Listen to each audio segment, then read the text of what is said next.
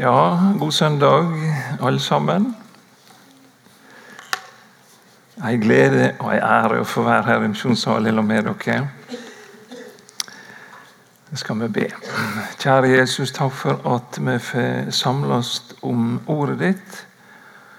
Og Nå ber vi at du ved din hellige ande må gjøre slik at vi kan forstå det, og at vi kan leve etter det.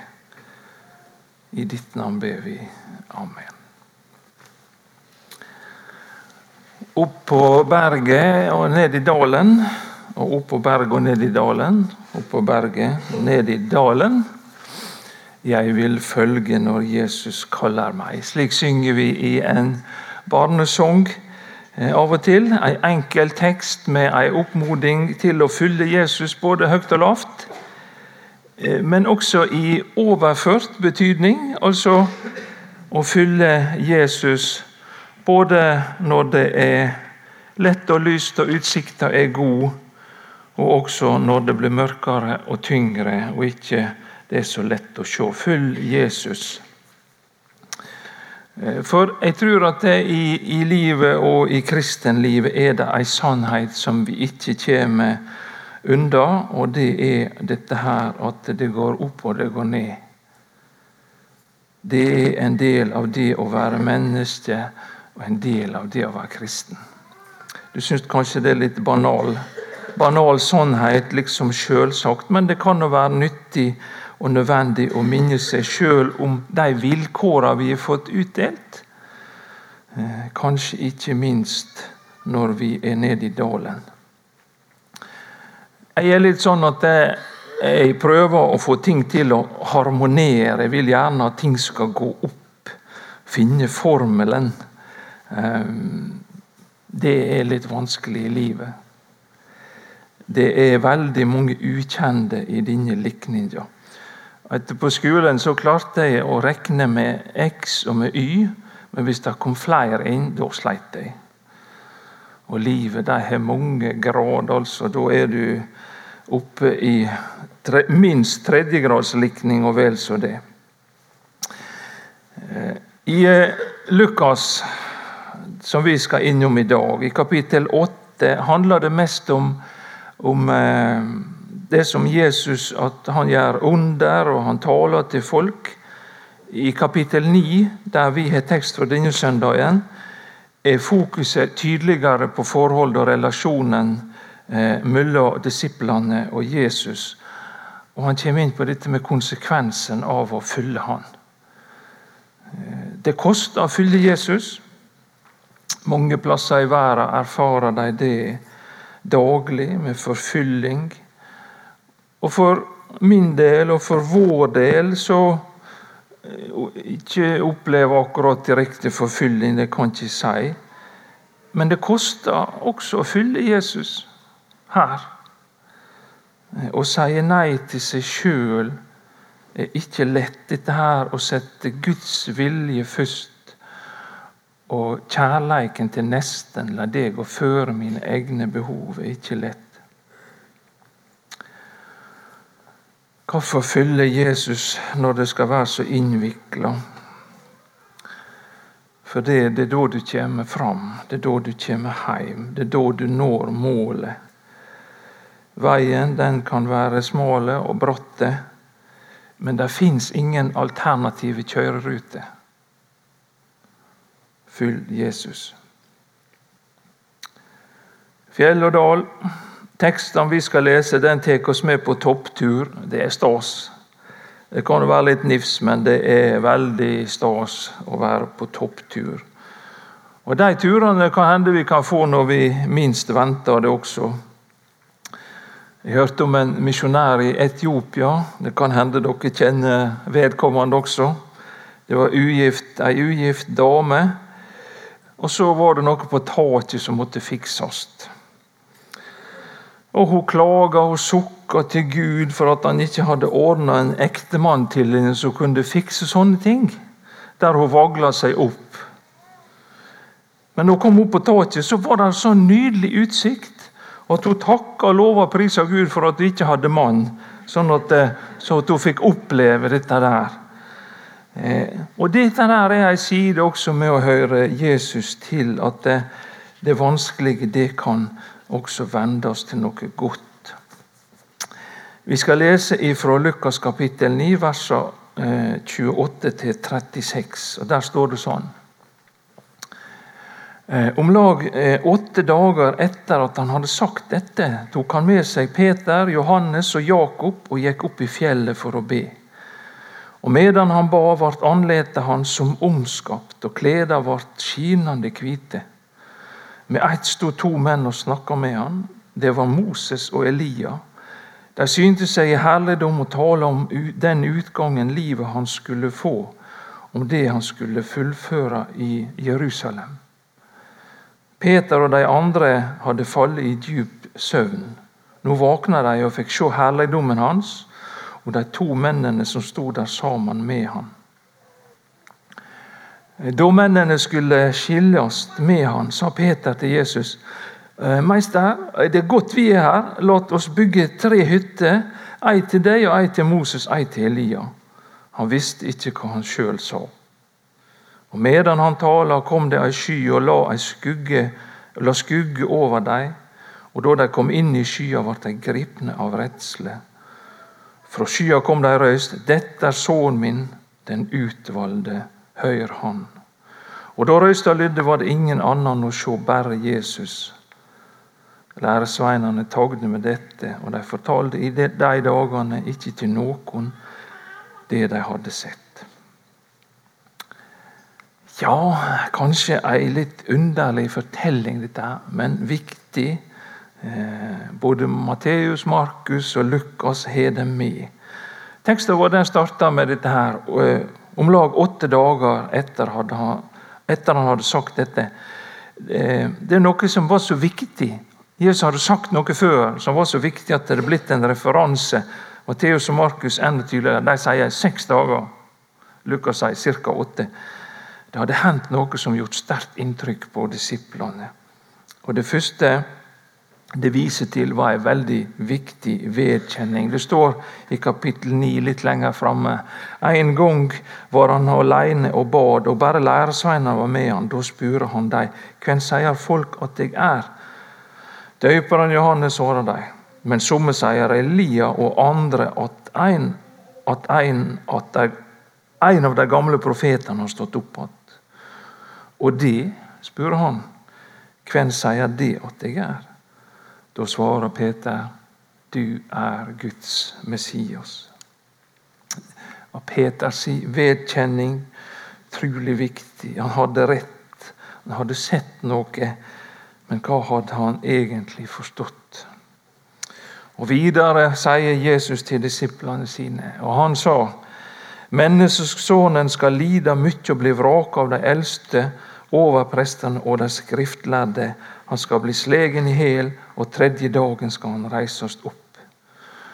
Så sa han til dem alle. Vil noen følge etter meg, må han seie nei til seg sjøl og dag for dag ta krossen sin opp og følge meg. For den som vil berge livet sitt, skal miste det. Men den som mister livet sitt for min skyld, skal berge det. Hva gagner det et menneske om det vinner hele verden, men mister seg sjøl og går til grunne? For den som skjemmes ved meg og orda mine, han skal menneskesonen skjemmes ved når han kjem i sin og sin fars og den heilage og de heilage englers herligdom. Dette har vært så alvorlige og sterke ord til disiplene at de husker dagen da Jesus sa det. Og Det var nok ikke dette de har sett før når de starta på vandringa der i lag med Han. Si nei til seg sjøl, ta opp korset sitt, altså miste livet for, for Jesus skyld. Og det kan nok være tunge tanker som kom opp. Her er det som skal til? Slik jeg er, er det mulig for meg å være en etterfyller. Vil jeg egentlig dette? Tør jeg? i den mørke dalen. Å gå i lag med Jesus betyr ikke bare lette dager. Det tvil, anfekting, forfylling. men også sterke opplevelser og glede. Jesu nærmeste fikk være med på fjellet. Peter, og Jakob og Johannes. Det var de samme som eh, fikk være med i Getsemane også. Vi vet ikke akkurat hvilket fjell det var, dette her, om det var Tabor eller Hermon. Eller det, det, er ikke poenget, egentlig, men det peker klart imot noe av det som Moses opplevde også i eh, andre Mosebok, om, om det står om Herrens herligdom hvilte over Sina i fjellet, og skya dekte det i seks dager. Eh, den sjuende dagen roper Herren på Moses fra skya. Lukas forteller oss her at det, det var under bønn det, det, skjedde noe der med Jesus. Det skjer en for, forandring. Han begynner å se annerledes ut. Kleder. Eh, det skjer en metamorfose. Metamorfo heter på grisk. Det skjedde noe der, i møte med det hellige. Det skjedde noe med Moses også. Noe lignende etter han hadde møtt Gud. Eh, når Moses Eh, kom ned, så lyste det av ansiktet, og han måtte dekke seg til. Kan det merkes på mennesket at eh, de lever nær Gud? Tror du det? Det er ikke et hovedpoeng i teksten akkurat, men til ettertanke. Tro om mitt liv, jeg som kaller meg en kristen, om det reflekterer noe av Guds herligdom. Er det mulig å oppdage det gjennom mitt liv, gjennom ord og handling, og den er. I bergpreika sier Jesus til eh, disiplene sine slik skal lyset dykkar lyse for folk, så de kan se de gode gjerningene dykkar og prise Far dykkar i himmelen. Det var noe med livet deres som førte til en pris og en takk og en lov opp mot Han som er skaperen.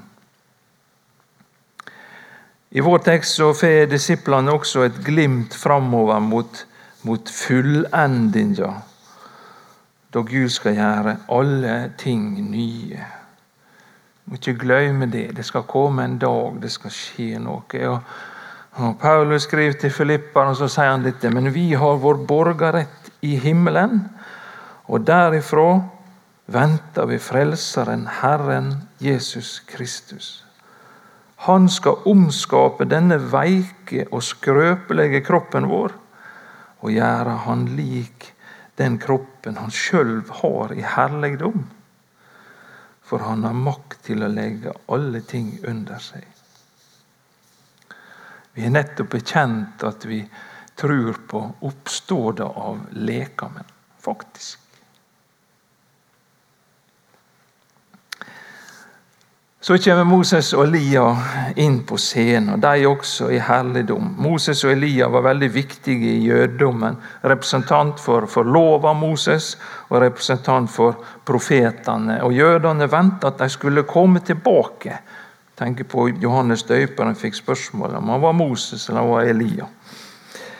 Eh, og Så står de her, og så skjønner vi at dette her betyr noe. Så vitner de her da at eh, Jesus er den som fullender Guds åpenbæringer, som de sjøle er en del av. Det står de talte sammen. En gjensidig anerkjenning. Og Jesu budskap er ikke brudd med den tidligere åpenbæring, men fullendinga. Disiplene har sovna. Vi møter dem av og til sånn de, de er trøtte. Tøffe ting. Men Så våkner de, og så blir de vitne til hendene, Det gjør inntrykk. Her skjønner de det er snakk om store ting og krefter utenfor deres kontroll. Og da er ikke de høye i hatten. Det bruker ikke jeg heller å være. Det var nok en utrolig fin oppleving, men skremmende også. Hva blir konsekvensen? Ja, vi må bygge hytte. Noen som tenkte på slikt med tror ikke det var akkurat eh, sånn lafta-greier med hems og sånn det var tenkt på her, da.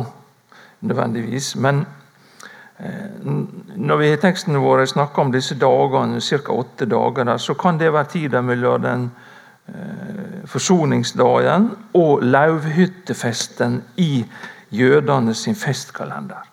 Jeg tror nok det er det det handler om når Peter foreslår å bygge hytte, sjøl om han ikke helt veit hva han sa. Den ble, eh, Lauvhyttefesten ble eh, feira til minne om eh, Guds leding og vern under ørkenvandringa, da folket bodde i telt og lauvhytte. Og Samtidig eh, var det en takkefest for at avlinga nå var berga i hus. Da skulle en bo i sju dager ute i lauvhytte. Og så peker det framover også mot Israels herligdom i de siste dager. Peter altså frampå prøver seg. Viser han, teksten sier at han vet ikke hva han sier. Fint, troverdig spenn her. Herlig, herligdomsåpenbaring av Jesus, og så er det en som snakker tull. Han visste ikke hva han skulle si, for han var så redd, sier Markus. Kanskje Peter ville det skulle vare. At det skulle ikke ta slutt, dette her. Men fullendinga kunne ikke komme, for Jesus hadde ennå ikke gått lidingsvegen. Og så kommer det ei sky, et uttrykk for at Gud er til stede, slik som Herrens herligdom fylte tabernaklet i den gamle pakt, og også tempelet når det var bygd. Så fylte skya tempelet, og prestene kunne ikke gjøre tjeneste, for Herrens herligdom fylte tempelet. Så ser vi hvor det henger sammen. Så kom det ifra skya ei røyst. Dette er sønnen min, den utvalgte, hør han. Og så sto Jesus alene igjen. Moses og Elia har hatt sin tid. Nå er det Jesus som gjelder. Han er Guds sønn. Han er Messias. Han er fullenderen og frelseren. Han skal du høre, han skal du fylle, han skal føre deg helt fram. Han alene. Hvorfor tok Jesus med seg Peter og Jakob og Johannes. Tenk litt på det. Hvorfor det?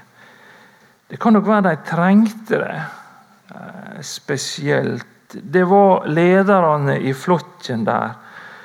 Kanskje skulle de få en visjon, et syn de kunne dele. Kanskje handler det om en fornying, ei en bevisstgjøring på det, det, det, det det de hadde begynt på. Kanskje et nytt perspektiv, kanskje et nytt syn, kanskje en djupere innsikt også. Når vi leser Nytestamentet, så ser vi hvor utrolig vanskelig det var for de som var jøder, oppvoksende i den jødiske tradisjonen. Hvor utrolig vanskelig det var eh, å, å, å forstå dette med Jesus, at han kunne være Messias. Det handler om historie, det handler om identitet, tradisjon, overbevisning. Veldig sterke ting. Kanskje måtte de ha en sterk erfaring for å kunne gripe dette nye. Og kanskje trengte de som ledere det spesielt. Ikke minst etter disse tøffe ordene om prisen for å fylle Jesus.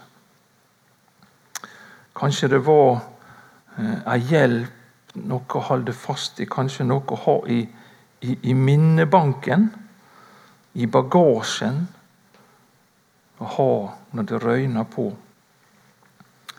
Jeg har faktisk av og til tenkt at jeg burde skrive opp litt ting eh, når jeg opplever noe fint. For det gjør jeg faktisk. Eh, men så, jeg glemmer så fort. Jeg kan oppleve egentlig veldig fine ting. Eh, og så, så, så, er på en måte Gud er på en måte veldig ty... Altså, jeg, jeg ser at Gud er i dette her. på en måte. Her er noe tydelig. Men jeg glemmer utrolig fort. altså. Går det litt av stund Nei, husker ikke. Nei. Kanskje det kunne være verdt å skrive opp noe som troshistorie. Ja.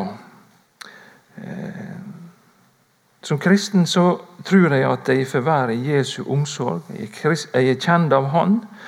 Og det er ikke sikkert jeg får være med på fjellet sånn så veldig ofte. Jeg tror ikke det er egentlig hverdagskost å merke Gud sterkt og gjennomgripende. Jeg tror nok også det handler om at han ikke vil at det skal være avhengig av store opplevelser for å tro. Han vil lære meg å holde fast på, på ordet, bruke det og leve etter det. Gode rutiner det er hverdagen sitt skjelett. Det var den som sa. Og der kan trua vekse. Og faktisk, der sniker ofte gleda seg inn også. Men jeg tror at Jesus veit når jeg trenger noe ekstra også. En dansk prest som heter Henrik Høylund, han forteller om ei oppleving der. Han eh, kjente eh, ei, ei, ung enke. Han hadde begravd eh, mannen hennes, som helt eh, uforvarende omkom i ei trafikkulykke. Et par år etter dette så hadde denne enka en merkelig oppleving. Hun hadde henta døtra og ei venninne på, på, kino og kjørte hjem i skumringa. det, var, det har vært ei tung tid. Hun har lenge vært ned i en bølgedal etter sorg og sakne, og, og, og sleit med å finne krefter til hverdagen. Og medan hun kjører, så ser hun ut frontluta Plutselig så ser hun eh, navnet Jesus skrevet på himmelen med tydelige bokstaver. Og Så blinka med øynene og, og tenkte og kikka igjen, og navnet sto der. Tydelig skrevet på himmelen. Kikka litt bak for å se om jentene hadde sett det. De hadde ikke observert det da. Og Hun våga ikke å spørre. Men hun nøyde seg med å ta imot det som et hint ifra Gud. Et kjærtegn fra Gud. 'Jeg har ikke glemt deg'. Og Sånn tror jeg Gud handler med oss også, og veit hva vi trenger. At Han kommer med sin hilsen til oss kanskje når vi minst venter det. Han som har omsorg for oss. Peter og Jakob og Johannes de fikk se Jesu herligdom, så hvem han var, og hvem han er. La oss holde oss nær til Han. La oss bruke bønna og Bibelen og fellesskap, nattværen. Så kanskje vi får et glimt, vi også. Amen.